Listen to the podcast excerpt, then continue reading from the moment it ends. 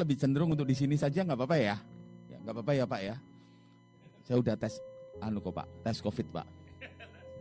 Ya eh, kita langsung saja. Masalahnya suaraku ini udah ngebas dari lahir, kelelekan amplifier.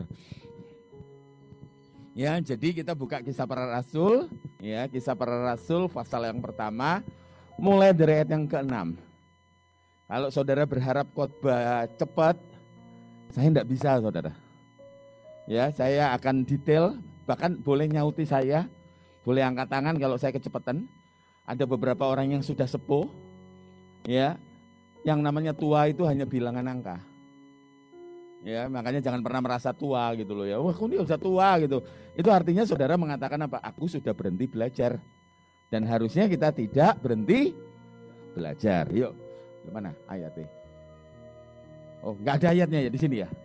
Oh, nggak nampak. Ya udah, saya minta tolong satu orang jadi asisten saya bacakan Kisah para Rasul 1 ayat yang ke-6. Ya, pemimpin pujian tadi juga bisa. Ada siapa yang bisa bacakan buat saya?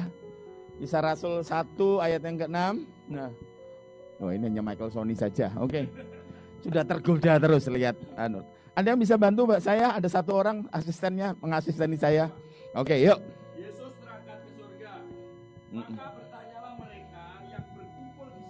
Yang berkumpul di situ berarti Tuhan, uh -uh. maukah engkau pada masa ini memulihkan kerajaan bagi Israel? Nah, Bapak Ibu Saudara, ini murid-murid Tuhan Yesus. Ada 11 murid Tuhan Yesus. Ada 11 murid Tuhan Yesus belum termasuk perempuan-perempuan yang ngikuti Yesus. Ada perempuan-perempuan yang luar biasa ngikuti Yesus, ya. Bahkan kalau mau kasih tahu ada rasul kebangkitan. Namanya rasul kebangkitan itu bukan laki, justru perempuan. Siapa? Maria Magdalena. Kalau saya sudah sebut Maria Magdalena, pasti otak saudara akan kontak. Mau Maria Magdalena, oh pel- pelacur itu salah. Nanti salah itu bukan pelacur, itu orang hebat nanti aja. Lain kali kalau ke sini tak ceritani. Nah orang-orang ini murid-murid Tuhan Yesus ya. Satu ketika Yesus pernah jalan. Judulnya hari ini paradoks. Ya Tuhan Tuhan Yesus ngomong gini ya. Ada ayatnya yuk kita baca supaya saudara tahu siapa orang-orang ini. Nah sebentar ya saudara. Hmm. Saya buat catatan saya ya. Matius 16 ayat 21. Coba lihat. Nanti kembali ke kisah para rasul. Matius 16 ayat 21 sudah? Ya, mari kita baca sama-sama. Nah. Ya, ah. sejak waktu itu, Yesus mulai menyatakan kepada Mhm. murid-muridnya bahwa ia harus pergi ke Yerusalem. dan menanggung banyak penderitaan Nah, dari pihak tua-tua. ya, sebentar dulu, sebentar dulu. Orang tertuduhnya, tersangkanya sudah jelas. Siapa? Tua-tua dan Imam-imam kepala dan ahli-ahli Taurat. tersangkanya udah jelas bahwa dia akan pergi ke Yerusalem, di sana akan mengalami sesuatu yang sangat tidak enak. Pelakunya adalah tua-tua, lanjut, imam-imam kepala Ya. Itu terus Lalu dibunuh Loh, si- ada COD namanya, cause of death ya. Bisa diperkirakan. Yesus sudah ngomong berbulan-bulan sebelum Yesus disalib. Percaya saudara ini. Jadi Tuhan kita kalau kalau membuat sesuatu tidak mungkin dia tidak akan beritahu. Masalahnya kenapa kita tidak tahu? Sorry saudara, saya agak pelat sedikit kenapa? Ujung lidah saya kegigit sendiri. Jadi terlalu semangat khotbah tadi pagi kegigit ya udah ini akibatnya. Saudara tahu nggak? Diberitahu bahwa dia akan mati ini berbulan-bulan. Sebelum Yesus disalib sudah dikasih tahu sama 12 muridnya. Loud and clear. Jelas. Lanjut dikatakan apa? Lalu dibunuh dan dibangkitkan pada hari ketiga. Ini jelas dikatakan dia akan bangkit kok. Padahal setelah Yesus, pada saat Yesus dalam Getsemani, ditangkap murid-muridnya ke mana? Kabur. Kecuali siapa? Perempuan. Kecuali siapa? Rasul Yohanes.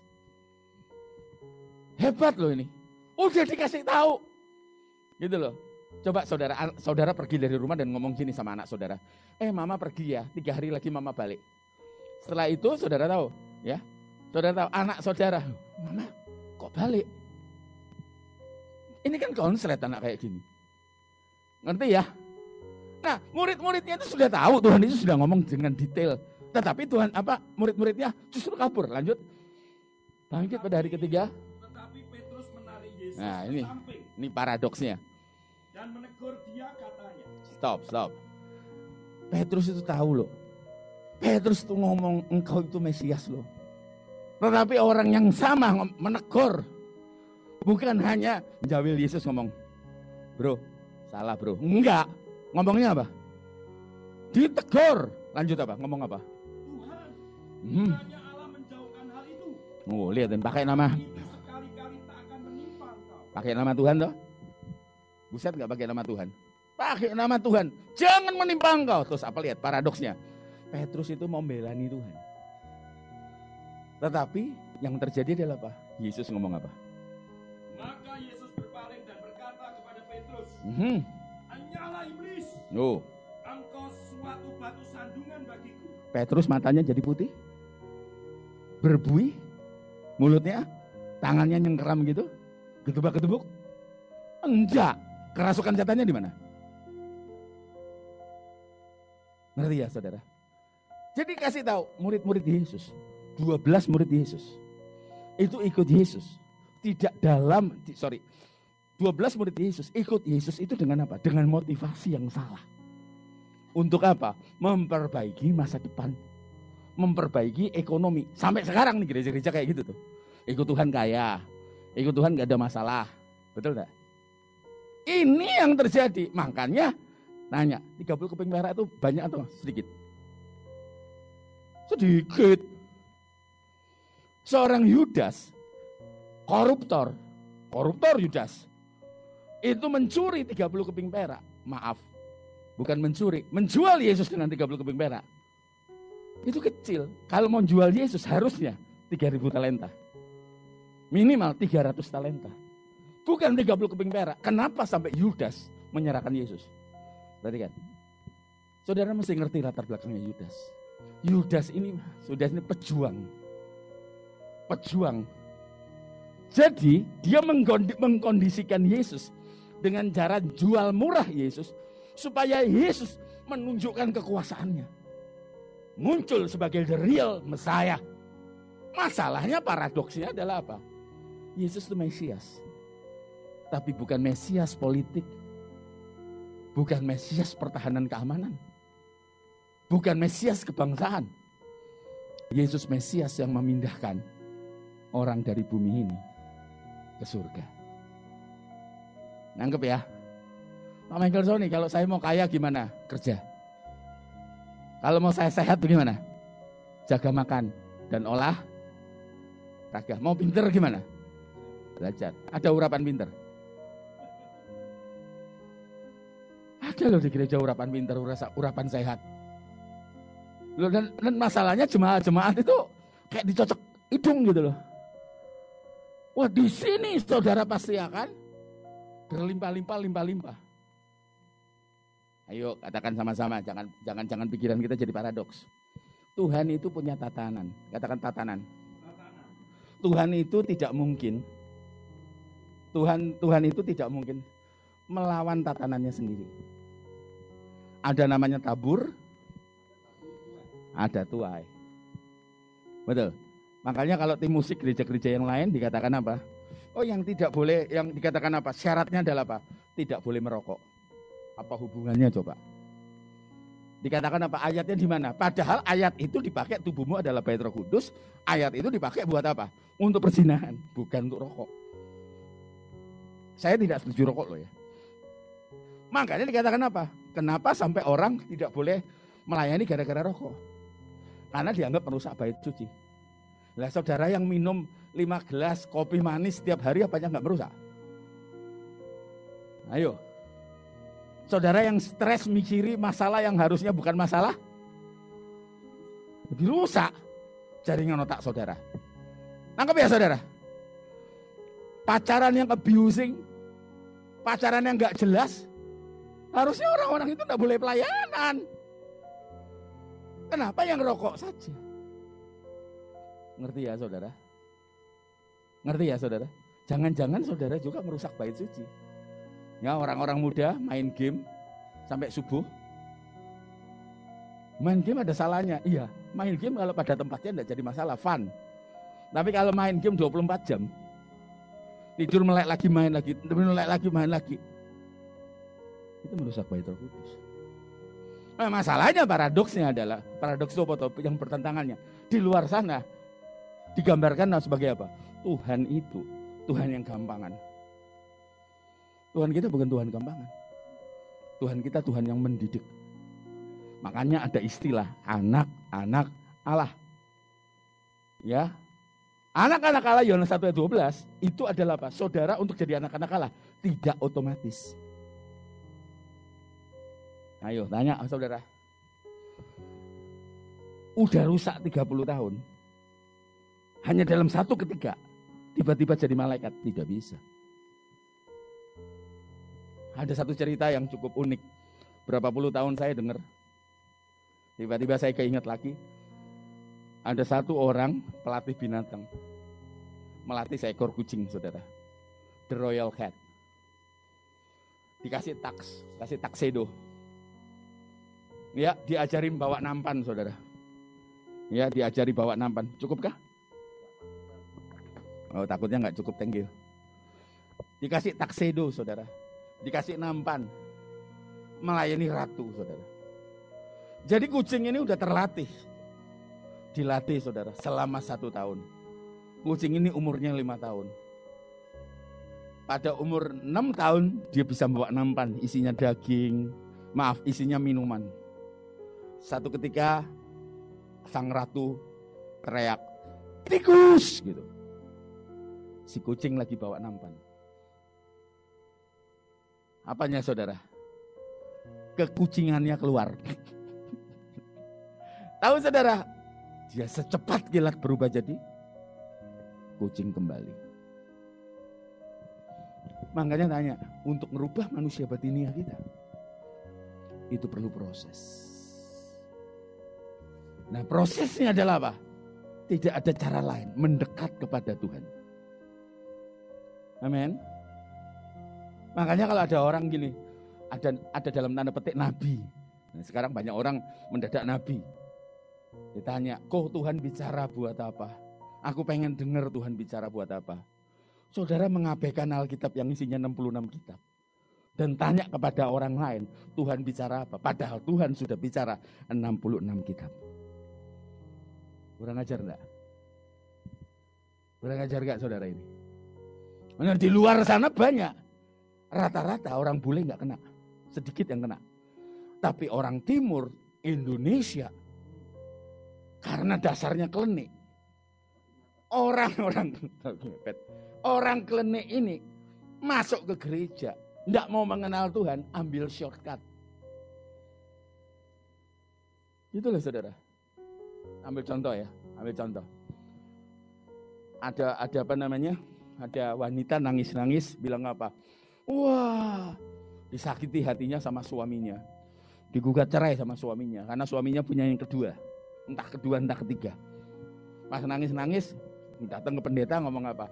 Kenapa Tuhan pertemukan kami? Lu ketemu di mana sih Bu? Di kampus. Ya aku gak ketawa tuh ketemu di kampus.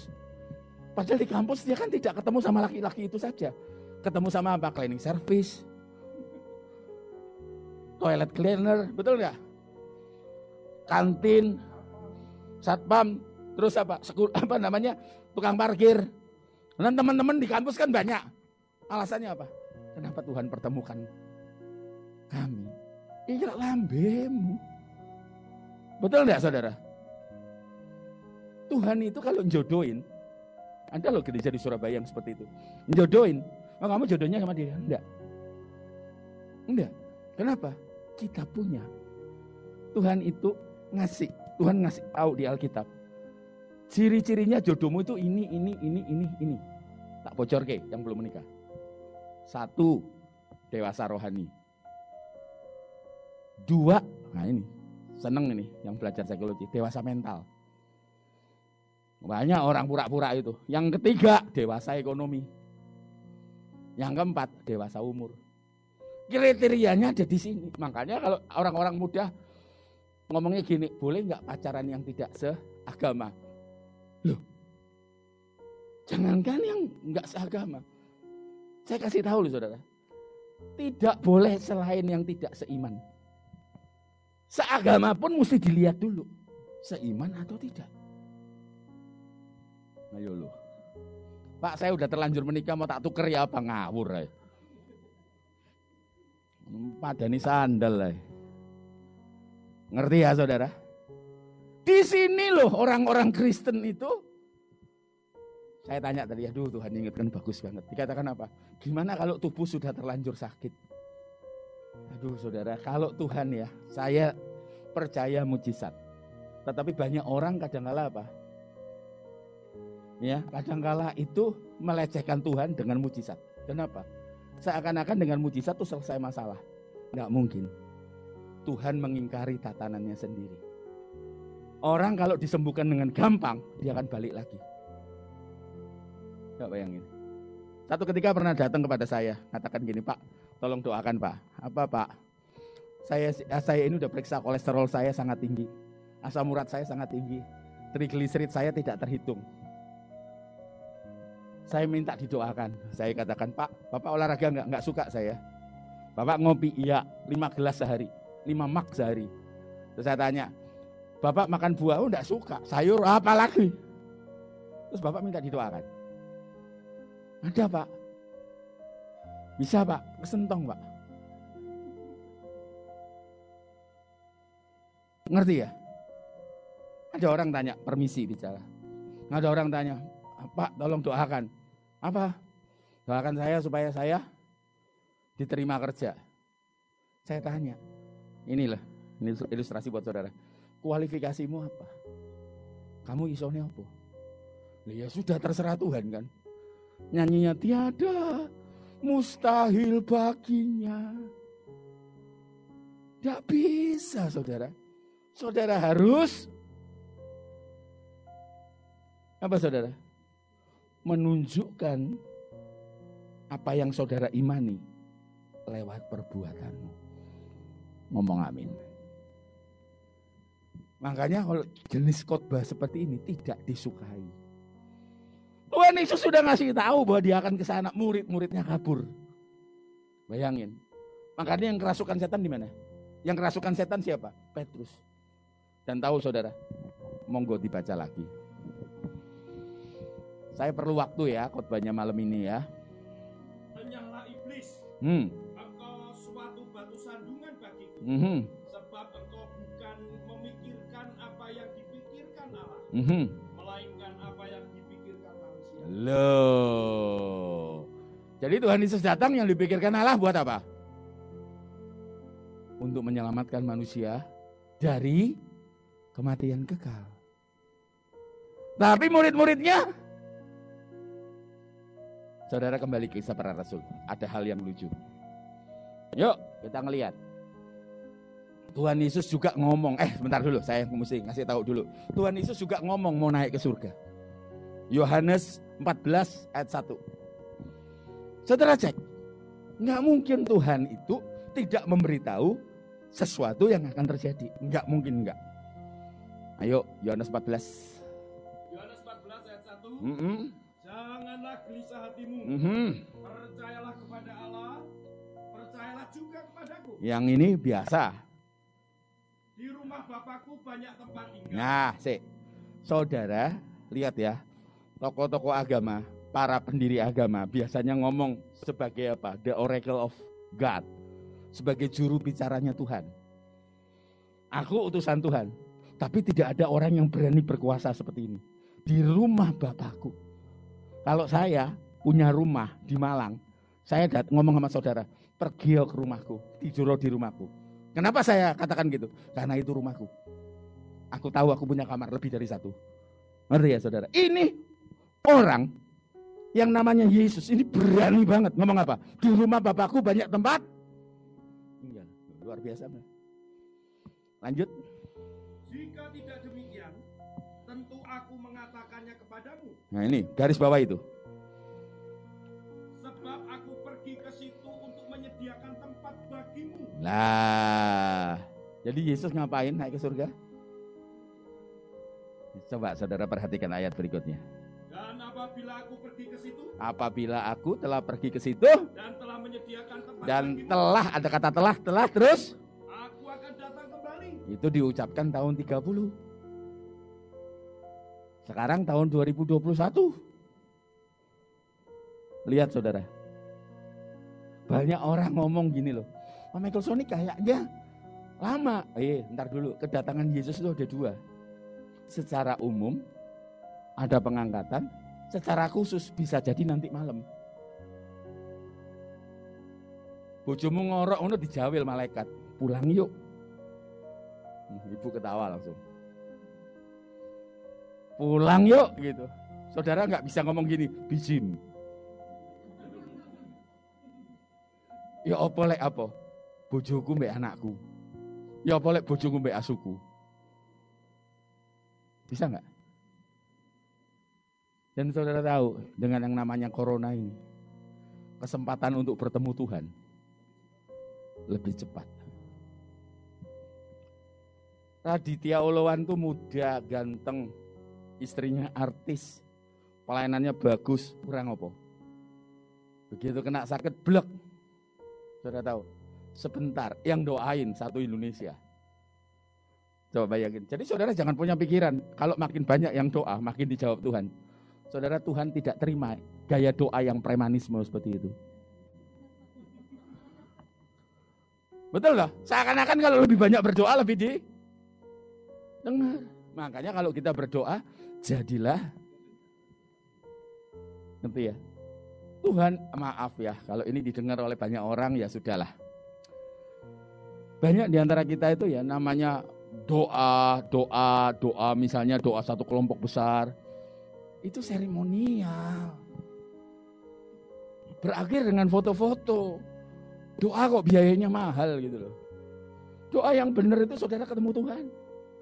Makanya doa yang paling berkuasa itu. Bukan aku mau ini Tuhan, Tuhan aku percaya. Ini firmanmu. Enggak. Doa yang paling hebat itu berani ngomong gini. Jadilah. Itu doa paling hebat. Ah, saudara Tuhan ngajari doa Bapak kami itu juga orang nggak ngerti kok. Bapak kami yang di surga, berarti kowe mesti kudus. Naturnya Tuhan kudus. Tuhan terima aku apa adanya ora iso. Nggak bisa, nanti nanti nanti lain kali aja. Nanti lain kali aja. Saya saya akan bahas. Terus dikatakan Bapak kami di surga, dikuduskan namamu. Nah, ini, ini nekat. Kalau saudara nggak ngerti, asal bunyi aja. Datanglah kerajaanmu. Artinya apa? Pemerintahanmu atas hidupku terjadi. Wani gak? Saudara ada lagu zaman dulu. Hidupku bukannya aku lagi, tapi Yesus dalamku. Ini lagu nekat. Berarti kenapa? Itulah kata percaya. Kata percaya, katakan sama-sama percaya. Percaya Yesus itu bukan akali. Tapi percaya Yesus, percaya dalam bahasa Yunaninya pisteo. Itu artinya memberi hidup sepenuh. Sampai tidak ada yang tersisa. Kalau Pastor Tony ke Galaksi bilang sama orang, aku orang baik. Ono sing percaya kak? Dan ono sing percaya. Tapi bojo nih, ketika dia bicara, aku sayang kamu. Dia percaya. Kenapa? Karena yang satu ini sudah memberikan hidup sepenuh. Tidak ada yang tersisa. Sampai seluruh transferan pun dipindahkan ke dia. Sampai uang harian pun dapat. Ngerti ya saudara? Ini guyonan. Saya nggak bisa lihat senyum saudara, saya ketutupan masker kabeh. Nanggap ya saudara. Katakan sama-sama pisteo. Artinya memberikan hidup sampai nggak ada yang tersisa. Jadi semenjak kita percaya Yesus, maaf, semenjak kita terima Yesus sebagai Tuhan dan Juru Selamat, itu detik. Dikatakan, biar Yesus makin bertambah, ku harus makin berkurang. Setiap hari, nama Yesus saja disembah. Tambah lama, tambah? Atau lagu tambah hari tambah cinta Yesus. Biasanya ada iringannya Yesus selamanya. Gitu. Lah kalau saudara bertahun-tahun ketika di Yesus lek ngamuk kamu nggak tahu siapa saya? Nah, ibu-ibu tunggu nono ya tunggu nono ya Ibu-ibu kan biasa gitu, tunggonono ya, tunggonono ya. Ngerti ya saudara? Sama wanita ini menakutkan. Urusan cinta di Jakarta, minum kopi kasih sianida. Yang kedua barusan, gara-gara cinta, sate dikasih sianida. Ada saja sekarang. Ini mari ngono apa meneh, mari sianida sianida kabeh. Nangkep ya saudara. Nah, kalau saya jujur mau tanya, saudara sudah percaya Yesus belum? Sudah bu, sudah serahkan hidup sepenuh? Makanya orang berani, ku telah mati dan tinggalkan metu kok ini onok sing motong seret ngono. Buka koco, ngomong tiga huruf. Asu.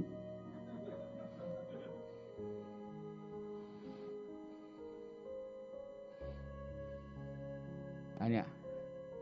Padahal mari nyanyi apa? Baik nangis nangis. Ku telah mati. Makanya hari Minggu itu ya, bukan di sini di sana. Banyak yang pencitraan. Orang mahasiswa STT aja saudara, di STT itu ada yang klepto loh. Ngambil duitnya temennya, satu ketika dipasangi. Ada uang 100 ribu, dikasih apa saudara? Dikasih tanda.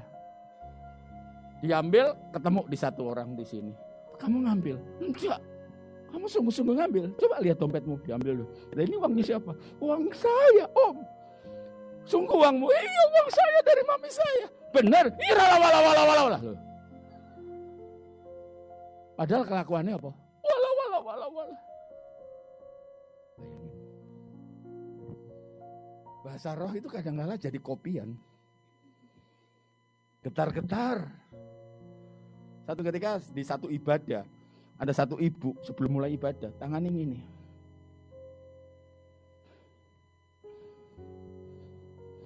Gatel mata saya. Sebelum ibadah saya turun, Bu, menapa atau Bu? Kok tangan di atas? Biasanya lek ngene iki Roh Kudus mudun, Pak Michael Sony. Oh, golek sinyal.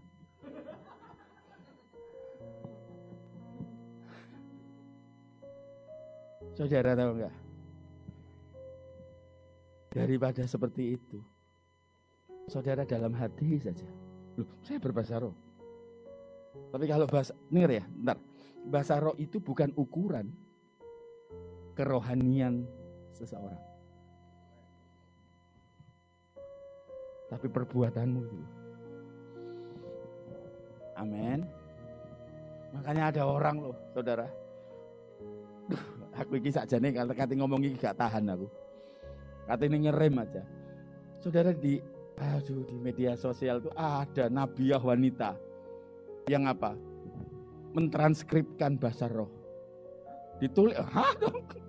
Masih ingat ya istri saya ditulis, Ila wala wala wala wala wala wala iki bosone apa? Sing edan lagi saudara, usir setan pakai bahasa roh. Bahasa roh itu antara bahasa kita dengan Tuhan. Yang ngerti hanya Tuhan. Nah setan diusir pakai ira lataka sendataka. Setan ini ngomong apa? What you talking about? I don't know. Ngerti ya saudara? Ini loh banyak yang terjadi di kekristenan. Yesus tuh dengan penuh kuasa dikatakan aku naik. Tahu saudara ini saya buat catatannya di sini ya. Aku menyediakan tempat bagimu, aku akan datang kembali dan membawa kamu ke tempatku supaya di tempat di mana aku berada, Ulangi sama-sama. Katakan supaya di tempat di mana aku berada. Satu kali lagi hafal. Supaya Ulangi dari awal no. Supaya di tempat di mana aku berada. Makanya ini kan seperti orang jatuh cinta. Mempelai pria sama mempelai. Makanya all I want is you. Nah katanya jatuh cinta sing dideloki jam tangane.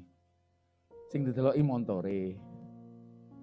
Kalau jatuh cinta yang diingini apa?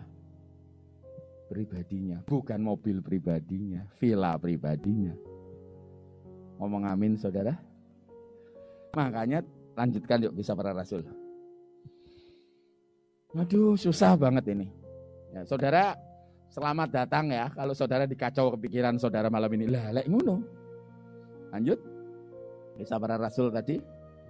Jawabnya, Mm-mm. engkau tidak perlu mengetahui masa dan waktu yang Nah. ditetapkan Bapa sendiri menurut kuasa. Ulangi, ulangi dulu ayat sebelumnya. Ulangi ayat sebelumnya. Maka bertanyalah mereka yang berkumpul di situ. Tuhan, maukah engkau pada masa ini membuat kerajaan bagi Israel? Kapan Tuhan Israel ini tidak dijajah lagi? Kita ini terkagum-kagum dengan Israel. Bangsa pilihan, benar bangsa pilihan.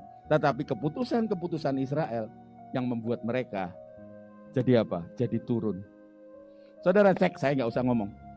Berapa tahun sih Israel tinggal di tanah namanya perjanjian? Berikutnya apa? Diserang, dihabisi, dibuang. Balik lagi, dibuang lagi. Ya, balik lagi setelah itu muncul, saudara tahu nggak? Kesukaran besar, apalagi zaman Hitler. Saudara, tahun 48 baru mereka kembali sebagai bangsa. Jangan marah sama saya ya. Jangan marah sama saya, saudara cek. Orang Kristen nggak boleh ngaku-ngaku. Dikatakan, kamu akan jadi kepala dan bukan jadi ekor. Itu untuk siapa? Untuk Israel, bukan untuk kita. Makanya orang Kristen tuh gampang no. Pertanyaannya, apakah Israel jadi kepala terus? Zaman Herodes. Herodes itu orang Edom. Makanya orang Kristen dikatakan katakan apa?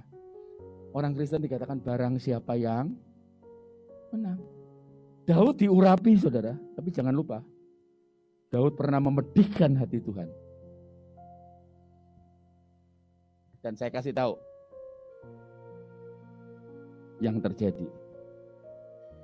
Maaf ya, saya ngomong ini. Daud harus menuai apa yang dia tabur. Dia meniduri Bathsheba. Saudara lihat. Pak Sony ini karma, bukan. Kalau karma itu, kalau karma itu anak tidak ikut apa-apa, tidak buat apa-apa, kena masalahnya. Masalahnya Bathsheba itu dibawa ke mana? Bathsheba itu istri siapa sih? Istri Uria. Tanya sekarang, waktu dia ditaruh, dibawa ke istananya Daud.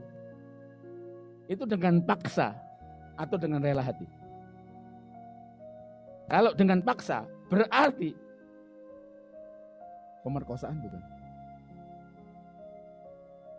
Jangan mikir naif ya, ini pemerkosaan. Mereka itu tinggal di istana.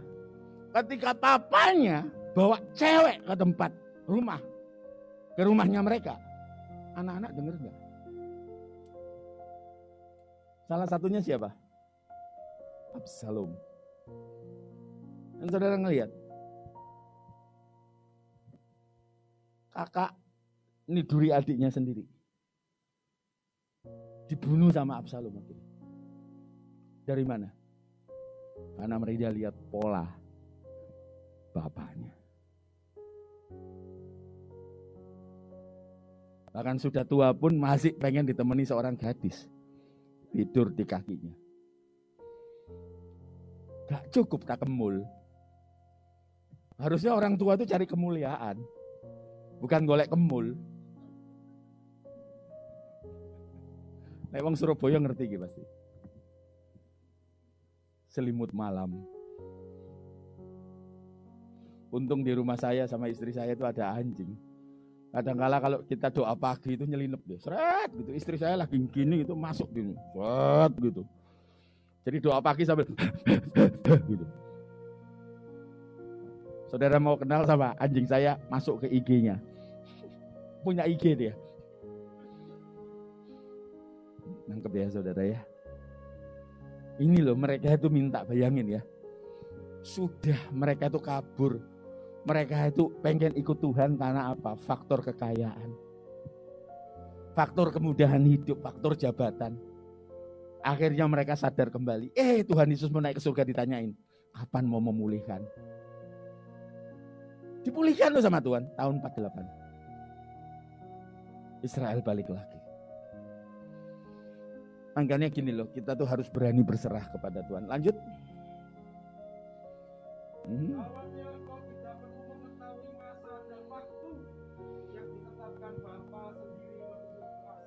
Kamu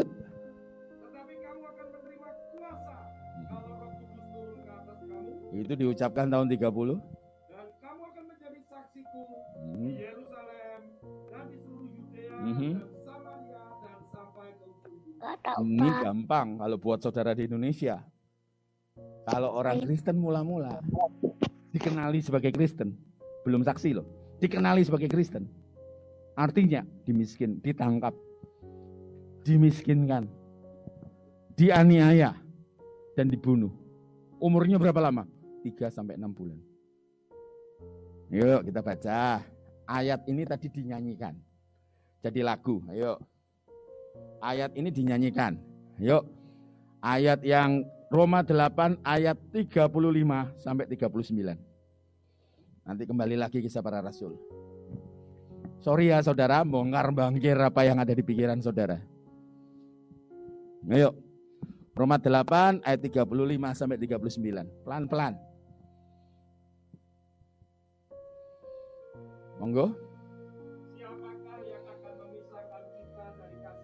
Stop. Ini orang Kristen sedang dianiaya.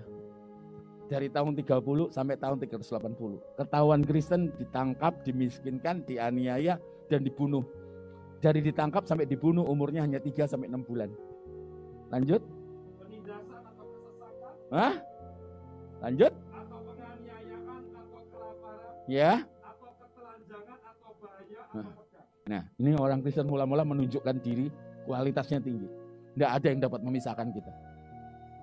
Lanjut. Oleh eh, seperti ada tertulis, Hmm.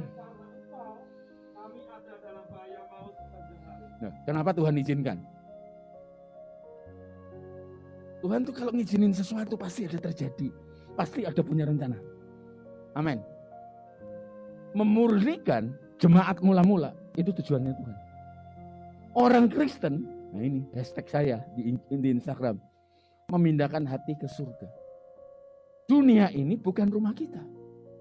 Makanya kalau saudara ngadepin masalah ngomong ngomong gini, sama Ko Tony, sama Pastor Tony ngomong apa? Aku mau pulang. Yang saudara pandang adalah apa? Di balik kematian. Rumahku ada di sana. Bahkan kalau tidak sampai kematian pun Tuhan Yesus datang, rumahku ada di sana. Nanti tak jelas ke sing paradoks banyak orang-orang. Lanjut.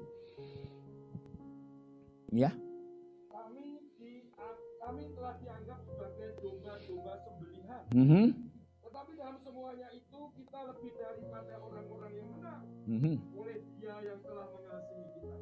Kita lebih dari siapa? Orang-orang yang rela kehilangan nyawanya.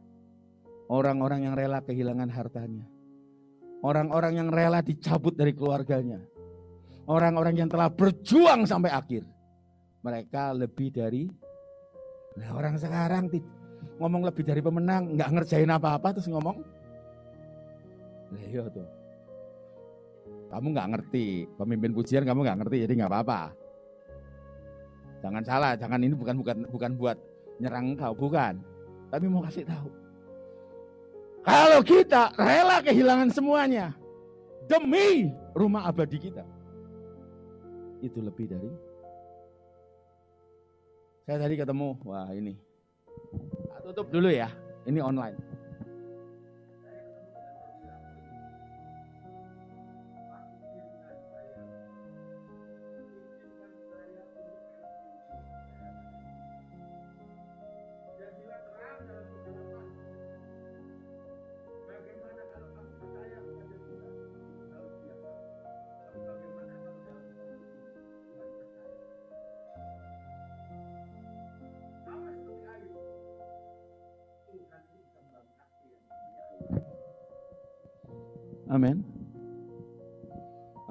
Kesusahan seperti ini, imanmu tidak berubah.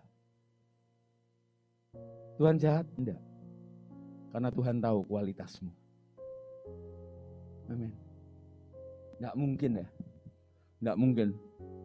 Gembala kita di sini mengizinkan anaknya untuk pergi ke luar negeri, sekolah di sana. Kalau dia, kalau apa dinilai oleh papanya bahwa anaknya tidak sanggup,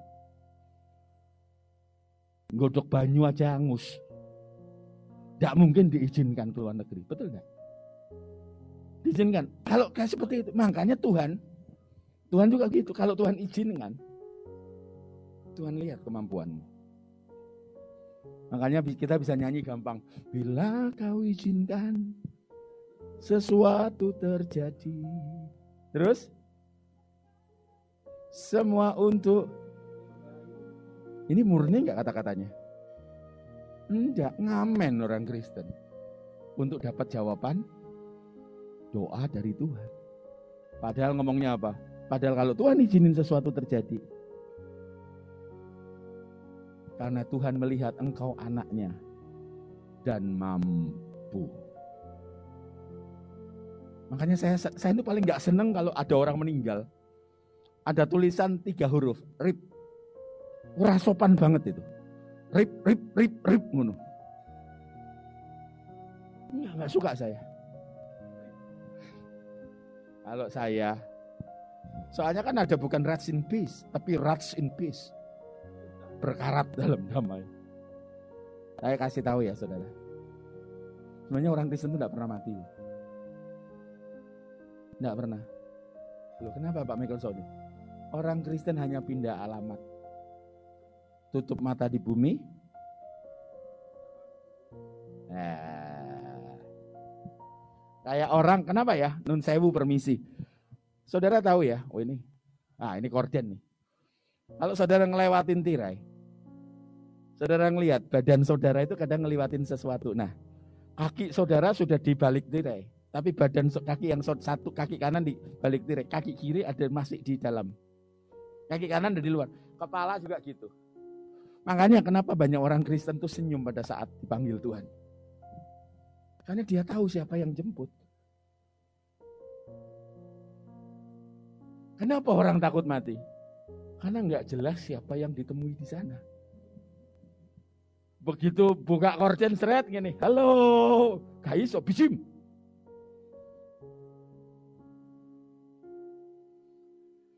Kata-kata ini nggak tepat.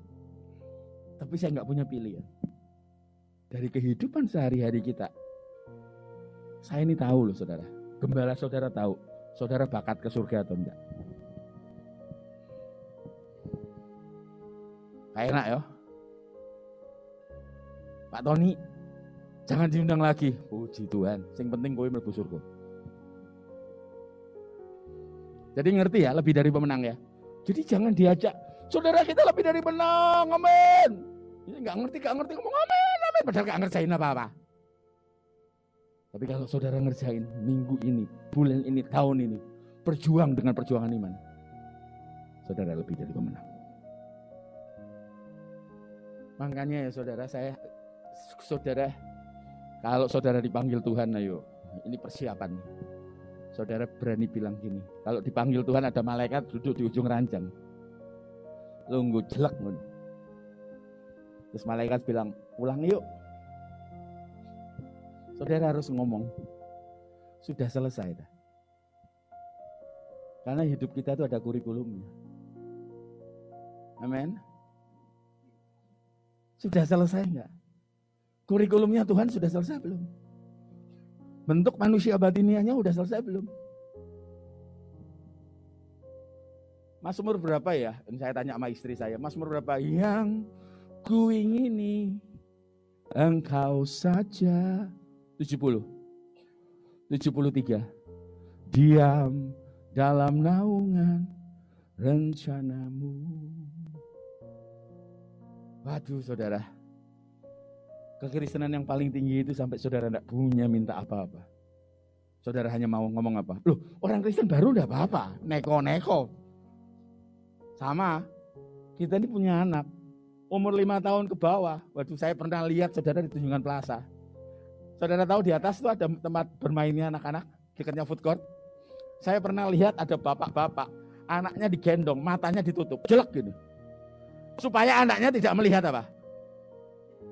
Tempat bermain. Anak kecil itu kalau pergi ke mall, Galaxy Mall, lihat mainan, mau lihat fast food, mau, ice cream, mau. Enggak saudara? Apalagi lihat mainan. Pulang itu nggak lego kalau nggak bawa sesuatu, betul? Coba bayangin. Coba bayangin, saudara. Tapi kalau sudah dewasa, umur 20 tahun, mintanya tambah banyak enggak? Enggak, mintanya sedikit, tapi mahal.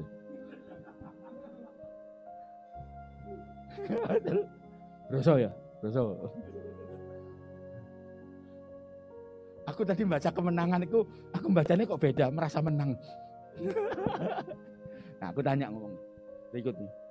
Nah, tapi kalau umur sudah umur 30 tahun, sudah kerja proper, sudah pulang dari Beijing, misalnya, nggak tahu Beijing atau mana, udah kerja baik-baik. Lah mosok sih datang ke mall, mallnya masih tetap sama. Wah minta, bayar, pa bayarin enggak tuh. Dia ngajak mamanya ngomong apa? Ngajak mamanya sama papanya, pah makan ayo, aku yang bayar. Bawa ke dealer mobil, pah mau yang mana? Gitu. Gitu. Nah sementara kita ini anak-anak rohani, saya nggak nyalakan anak-anak rohani, nggak nyalakan. Lah belum tumbuh mau disalahkan biye. Tapi yang sudah tuwek rohani. Dan mintamu masih anak-anak. Nah. Lanjut sedikit ya. Lanjut yuk. Paradoks semua saudara. Nah. Sebab aku yakin bahwa baik paut maupun hidup, Nah. baik malaikat Oh, malaikat sorry, kisah para rasul. Hmm. Lima menit lagi, semoga saya sudah selesai. Mhm. angkatlah ia disaksikan oleh mereka Mhm. dan awan menutupnya dari pandangan mereka. Mhm. Ketika mereka sedang menatap ke langit waktu ia naik itu, Mhm. tiba-tiba berdirilah dua orang yang berpakaian putih. Sopo iku?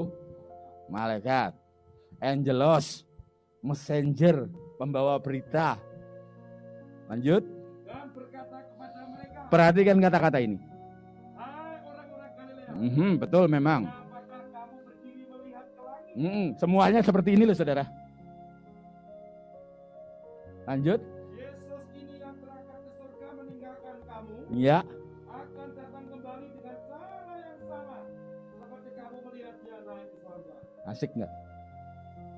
Aku pergi ke rumah Bapak untuk menyediakan. Tempat Kalau sudah jadi dia kan. kembali Malaikat ngomong apa seperti itu dia naik seperti itu juga kan. datang. Kurang apa? Saya mau ganggu saudara, terutama gembala saudara. Mau tak ganggu. Elia waktu ke surga. Yang jemput siapa? Kereta berapi. Enggak masuk portal gitu hilang kling gitu enggak. Enggak ya? Oke, tanya sekarang. Henok naik ke surga? Enggak ada catatan. Tapi dia tidak ditemukan. Betul? Yesus waktu naik ke surga? Tak tanya satu orang lagi, Musa. Musa mati atau enggak? Enggak. Coba nanti periksa nanti satu ketika tak khotbah sini lagi tak bongkar. Makanya yang dipermuliakan di atas gunung siapa? Musa dengan siapa? Elia. Ada ayat. Ya. Oleh darah anak domba wahyu. Oleh kesaksian. Terus?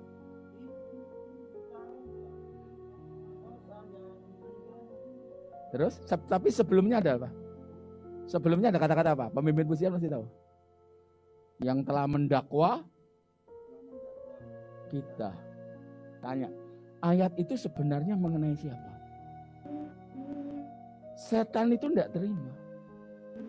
Karena di perjanjian lama, sebelum Yesus mati dan bangkit, alam maut punya siapa? Kunci alam maut punya siapa? Seluruh orang mati ada di situ, termasuk Abraham, termasuk Elisa, termasuk Daud. Tapi ada tiga orang yang tidak di situ. Siapa? Elia, Henok. Mereka tidak mati. Iblis mendakwa itu punyaku. Nangkep ya saudara? Nangkep gak jadi? Tanya. Henok tubuh fisik enggak? Musa tubuh fisik enggak? Elia tubuh fisik enggak?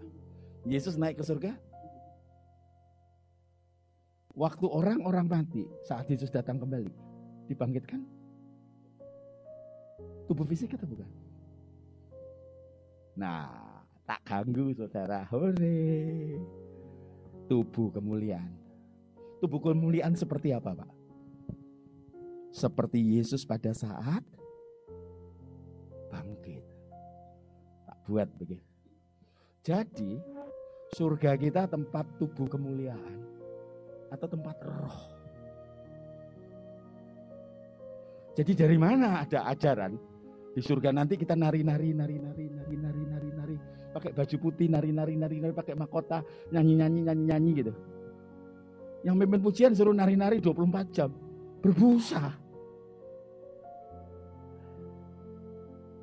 Ayo, next ya, to be continue ya. Makanya hubungi nomor di bawah ini.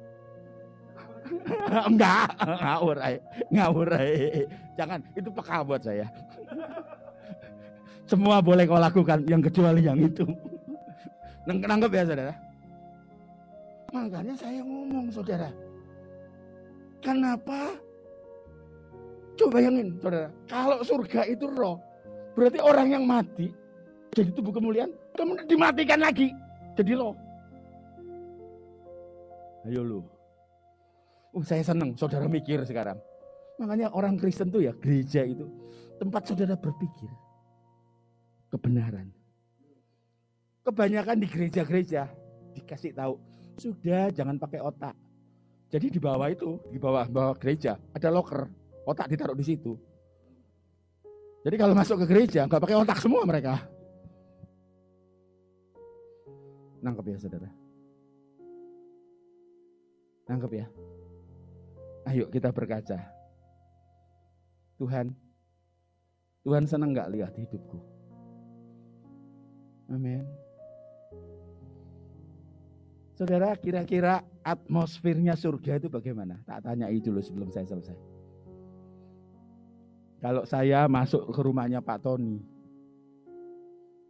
maka saya misalnya ada peraturan harus lepas sepatu, saya harus lepas sepatu enggak? Harus. Ya.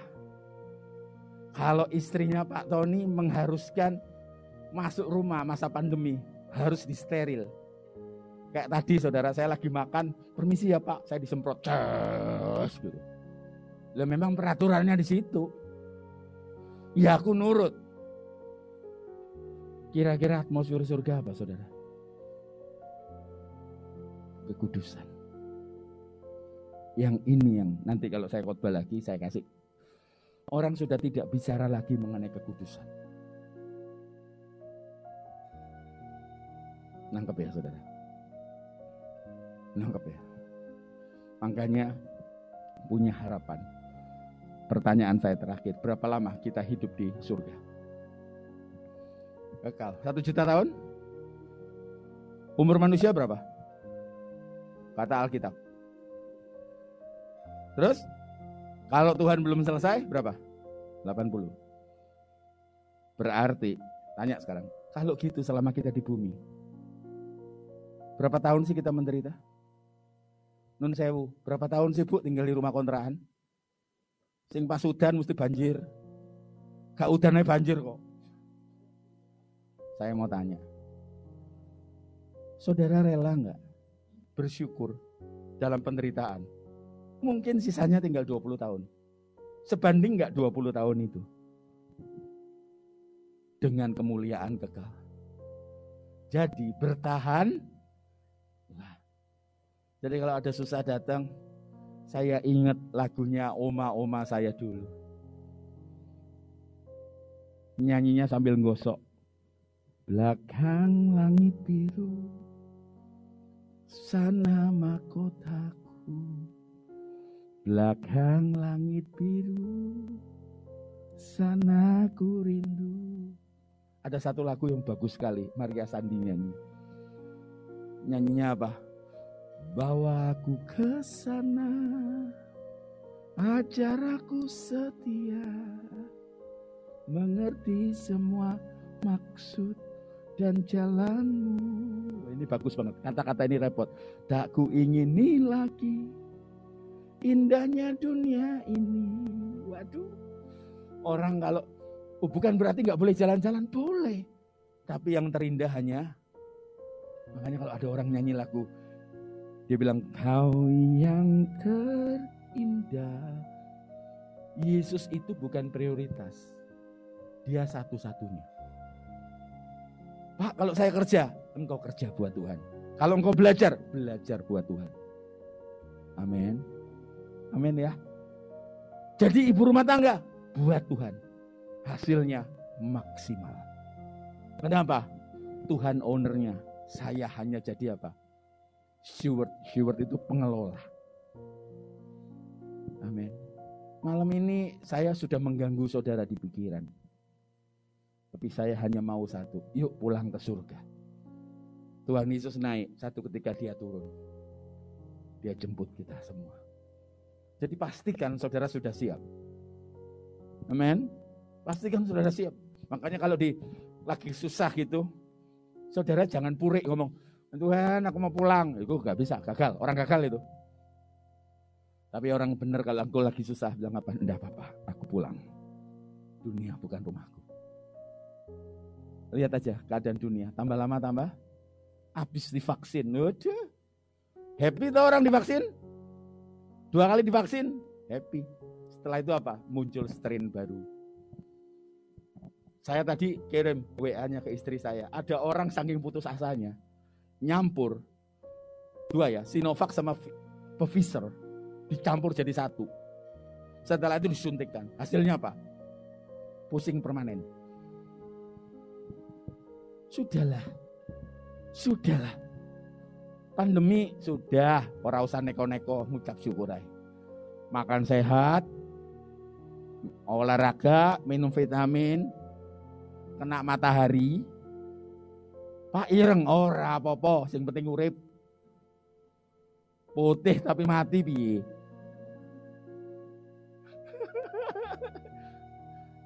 Kita ini orang tropis lucu loh saudara di Amerika ada namanya tanning, tahu tanning saudara? Orang-orang putih itu dicoklatkan, dihitamkan.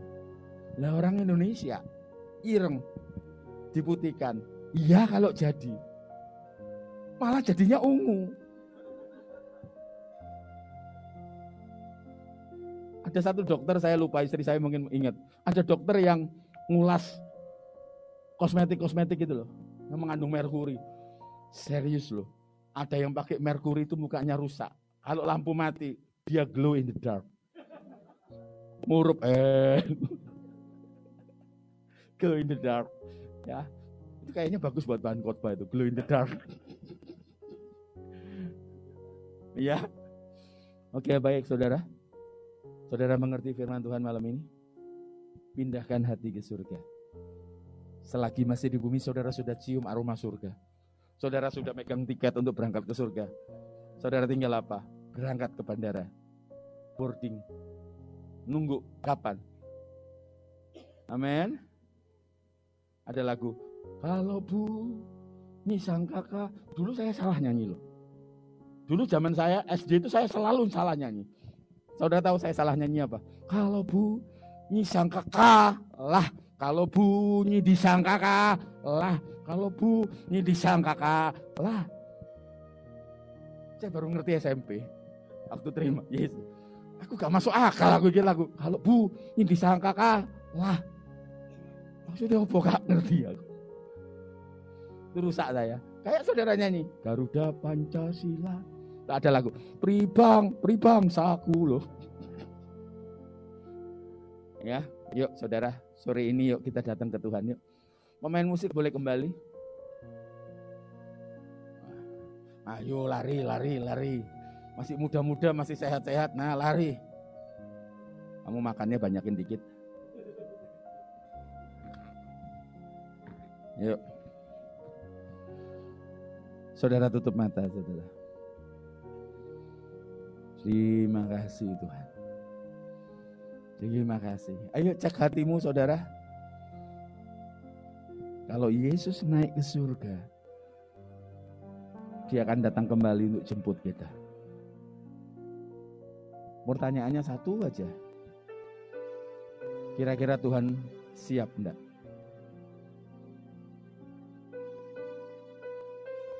Saudara sudah melakukan persiapan enggak? Masalah yang terjadi itu terukur, saudara. Kalau Tuhan izinkan, Tuhan mau membentuk engkau jadi manusia baru. Yang lama tidak dikenali lagi. Mulai baca firman, mulai berdoa. Saya pun mulai belajar lagi untuk doa pagi, saudara. Yuk, taruh tangan di hati. Saya izinkan saudara doa pribadi. Yang kenal saudara selain Tuhan adalah saudara sendiri.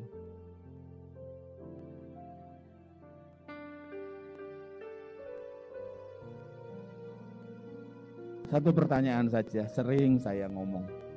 Bahkan pada saat online pun saya ngomong ke saudara. Malam ini saya minta saudara ucapkan. Perkataan seperti ini, Tuhan, Tuhan senang nggak lihat hidupku? Tuhan senang nggak lihat cara aku memperlakukan suamiku, cara aku memperlakukan istriku, cara memperlakukan mertuaku.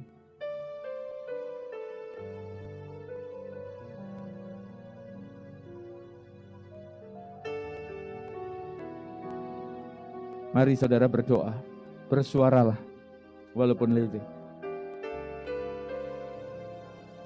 Terima kasih Tuhan. Terima kasih.